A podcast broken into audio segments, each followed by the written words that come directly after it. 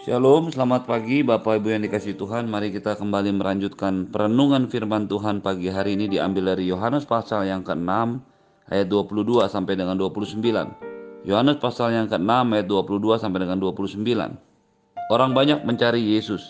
Pada keesokan harinya, orang banyak yang masih tinggal di seberang melihat bahwa di situ tidak ada perahu selain daripada yang satu tadi, dan bahwa Yesus tidak turut naik ke perahu itu bersama-sama dengan murid-muridnya dan bawa murid-muridnya saja yang berangkat. Tetapi sementara itu beberapa perahu lain datang dari Tiberias, dekat ke tempat di mana mereka makan roti. Sesudah Tuhan mengucap syukur atasnya. Ketika orang banyak melihat bahwa Yesus tidak ada di situ dan murid-muridnya juga tidak, mereka naik ke perahu-perahu itu lalu berangkat ke Kapernaum untuk mencari Yesus. Ketika orang banyak menemukan Yesus di seberang laut itu, mereka berkata kepadanya, "Rabi, bila mana engkau tiba di sini?" Yesus menjawab mereka, Aku berkata kepadamu, sesungguhnya kamu mencari aku bukan karena kamu telah melihat tanda-tanda, melainkan karena kamu telah makan roti itu dan kamu kenyang. Bekerjalah bukan untuk makanan yang dapat binasa, melainkan untuk makanan yang bertahan sampai kepada hidup yang kekal, yang akan diberikan anak manusia kepadamu. Sebab dialah yang disahkan oleh Bapa Allah dengan meterainya. Lalu kata mereka kepadanya, apakah yang harus kami perbuat supaya kami mengerjakan pekerjaan yang dikendaki Allah. Jawab Yesus kepada mereka, inilah pekerjaan yang dikendaki Allah, yaitu hendaklah kamu percaya kepada dia yang telah diutus Allah. Bapak Ibu yang dikasih Tuhan, kita sudah belajar di dalam ayat sebelumnya. Setelah Tuhan Yesus memberi makan 5000 orang dengan hanya berawal dari lima roti dan dua ikan, lalu kemudian bersisa 12 bakul. Orang-orang Yahudi yang mendengar yang melihat dan mengalami peristiwa itu berniat untuk menjadikan Yesus Tuhan kita sebagai Raja orang Israel. Yesus yang mengetahui maksud mereka lalu pergi, memisahkan diri, mengasingkan diri, naik ke atas gunung dan berdoa di sana. Di sisi yang lain ada begitu banyak orang yang juga mendengar apa yang dilakukan oleh Tuhan Yesus. Sehingga mereka mencoba mencari dia. Beberapa perahu datang dari Tiberias untuk menemukan dan mencari Yesus. Tetapi Ketika murid-muridnya melanjutkan perjalanan dengan berlayar melalui perahu, mereka mencoba berlayar. Tuhan Yesus pada waktu malam menyusul mereka dengan berjalan kaki di atas air. Dan bukan hanya itu, tetapi juga Yesus melakukan mujizat di tengah mereka. Ketika Yesus bersama-sama dengan murid-muridnya dalam perahu, seketika itu juga perahu itu sampai di seberang. Ketika keesokan harinya dilihat oleh banyak orang Yahudi, mereka mencari Yesus dan mereka tidak menemukannya. Mereka hanya tahu bahwa murid-muridnya saja yang pergi dan dia tidak ikut. Tetapi ketika akhirnya mereka menunggu dan mereka tidak menemukannya, maka mereka memutuskan untuk mencari dia ke Kapernaum. Ada beberapa hal yang menarik untuk kita cermati dan renungkan pagi hari ini. Yang pertama, bagaimanapun juga, dilihat atau tidak, disadari atau tidak, ada begitu banyak orang yang terus mencari Yesus hari-hari ini. Ketika Yesus banyak dicari orang pada waktu itu, maka Yesus yang sama juga yang hari ini dicari oleh banyak orang. Mungkin kita tidak tahu, mungkin mereka pun yang mencarinya tidak tahu. Tetapi ada satu kebutuhan, ada satu kerinduan, ada satu kehausan akan kebenaran. Akan ada satu teriakan kebebasan yang ingin dilepaskan dari sakit penyakit, dosa, dan keterikatan. Dan hari ini orang-orang yang seperti ini ada begitu banyak juga hidup di sekitar kita. Biarlah setiap kita menyadari akan kebutuhan ini. Orang-orang yang terus mencari Yesus. Karena hanya dialah jalan kebenaran kehidupan. Sampai kepada Bapa di surga. Pastikan setiap Anda dan saya menyadari, mendengar, dan juga bisa merasakan kehausan dan kerinduan orang-orang akan Yesus. Yang kedua, Yohanes menuliskan tempat di mana mereka makan roti, tempat di mana Tuhan Yesus melakukan mujizat, mengubah lima roti dan dua ikan menjadi tempat atau menjadi makanan bagi lima ribu orang lebih laki-laki. Di tempat di mana Yesus melakukan mujizat itulah orang-orang mencoba mencarinya kembali. Bahkan beberapa orang berangkat dari Tiberias. Dan Yohanes menuliskan, beberapa orang, beberapa perahu datang dari Tiberias ke dekat tempat di mana mereka makan roti sesudah Tuhan Yesus mengucap syukur atasnya. Bapak Ibu yang dikasih Tuhan, satu penekanan ulang dari Yohanes ini memberikan sebuah waktu untuk kita merenungkan.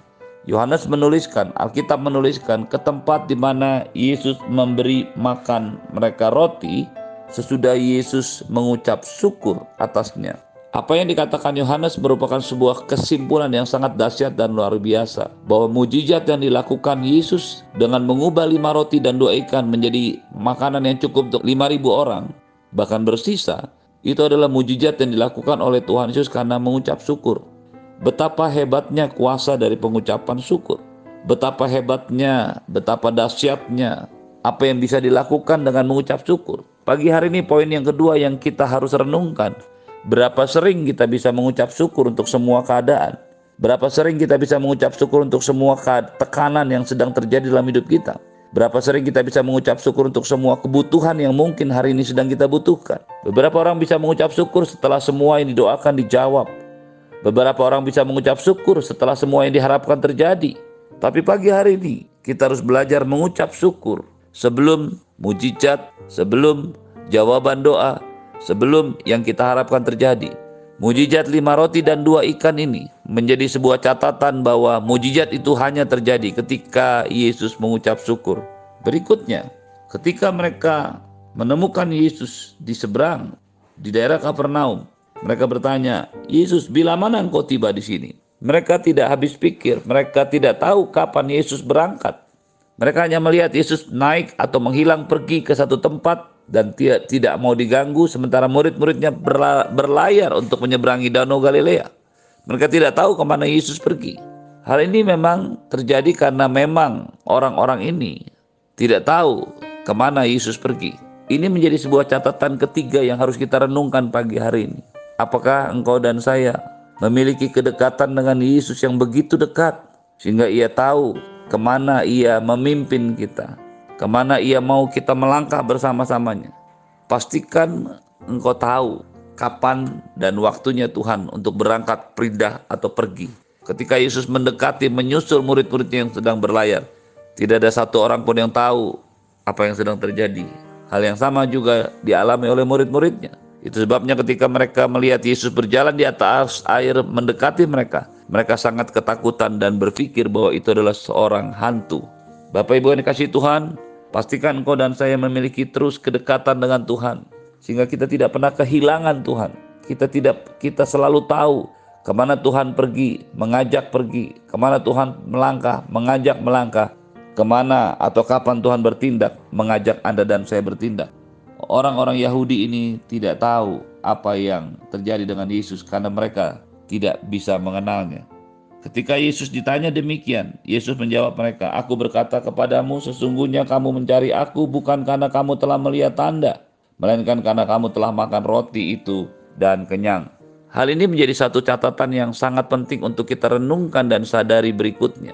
Ketika Yesus tahu bahwa orang banyak itu mencari mereka, mencari Dia dan juga murid-muridnya, dia tahu apa yang sebenarnya ada dalam hati orang-orang Yahudi ini.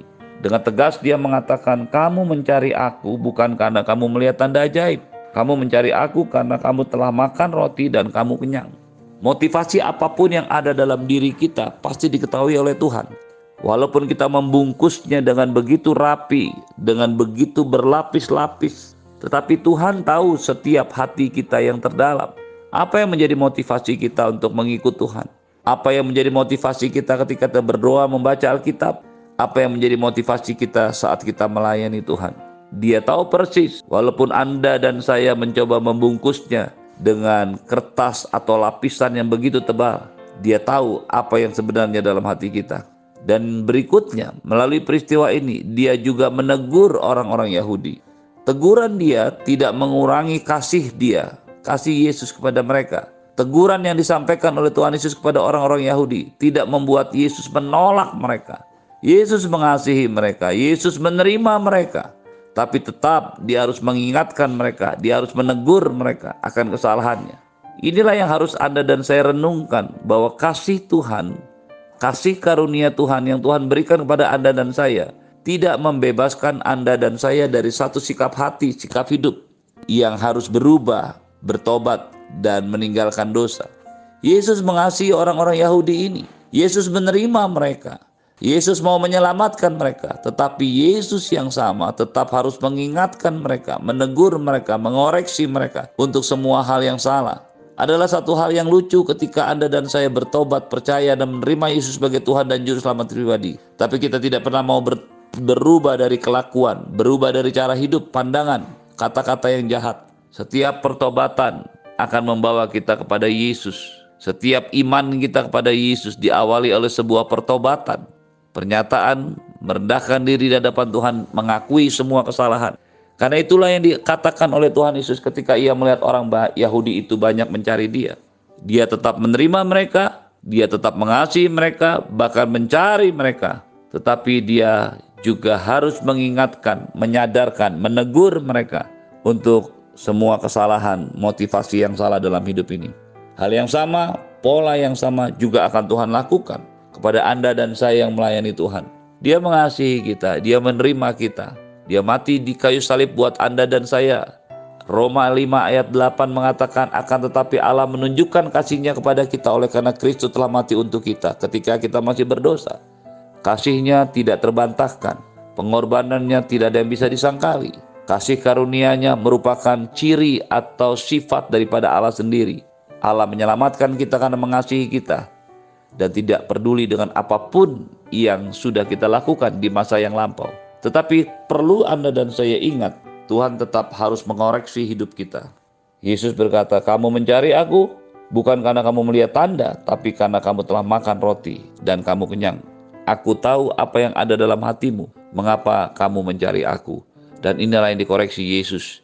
Biarkan Yesus yang sama juga mengoreksi apa yang ada dalam hidup kita. Kata-kata kita, pikiran kita, tindakan kita, semua yang kita lakukan. Biarkan Roh Kudus menuntun kita, mengoreksi kita, dan ketika Dia mengoreksi kita, jangan keraskan hatimu. Ambillah langkah pertobatan, kemudian meninggalkan dosamu. Tuhan berkata, bekerjalah bukan untuk makanan yang dapat binasa, melainkan untuk makanan yang bertahan sampai kepada hidup yang kekal, yang diberikan anak manusia kepadamu. Ia lalu mengingatkan mereka, bukan hanya memikirkan makanan-makanan yang akan dapat binasa. Hal ini juga berlaku untuk semua yang menjadi fokus dalam hidup Anda dan saya. Tuhan mau Anda dan saya bekerja. Tuhan mau Anda dan saya melayani Tuhan mau Anda dan saya berbisnis. Tuhan mau Anda dan saya berumah tangga, membesarkan anak-anak, memelihara keluarga. Tetapi pastikan semua yang Anda dan saya kerjakan dalam bisnis, dalam pekerjaan, dalam pelayanan, semuanya hanya untuk memuliakan Tuhan. Semuanya hanya untuk sesuatu yang kekal, bukan yang dapat binasa. Apakah yang akan kita bawa kepada Tuhan pada saat Tuhan memanggil kita atau saat ketika Yesus datang kembali menjemput gerejanya? Bisakah kita membawa uang, rumah, harta yang Anda dan saya punya? Bisakah kita membawa jemaat yang kita rintis? Kalau kita adalah pelayan Tuhan, tentu saja tidak. Kita hanya bisa membawa diri kita, apa yang ada dalam hidup dan diri pribadi kita. Karena itu pastikan setiap Anda dan saya selalu fokus pada semua yang tidak dapat binasa, yang kekal. Semua yang Anda dan saya kerjakan tidak boleh mengalihkan perhatian dan fokus utama hidup kita untuk selalu memandang kepada kekekalan. Bekerjalah untuk sesuatu yang bisa bertahan sampai pada hidup yang kekal. Dan apa yang dikatakan oleh Tuhan Yesus menjadi sebuah penerangan bagi kita yang hidup pada masa kini. Semua yang Anda dan saya lakukan, pastikan semuanya mendatangkan kekekalan, bukan semua yang bisa binasa, hilang, dan lenyap di dunia ini. Terimalah berkat yang berlimpah dari Bapa di surga, cinta kasih dari Tuhan Yesus, penyertaan yang sempurna dari Roh Kudus, menyertai hidupmu hari ini dan sampai selama-lamanya. Tidak ada sakit penyakit virus bakteri apa pun yang menyentuhmu, engkau akan aman bersama-sama dengan Tuhan. Dalam nama Tuhan Yesus semua yang percaya katakan amin. Shalom selamat pagi, Tuhan Yesus memberkati, selamat beraktivitas.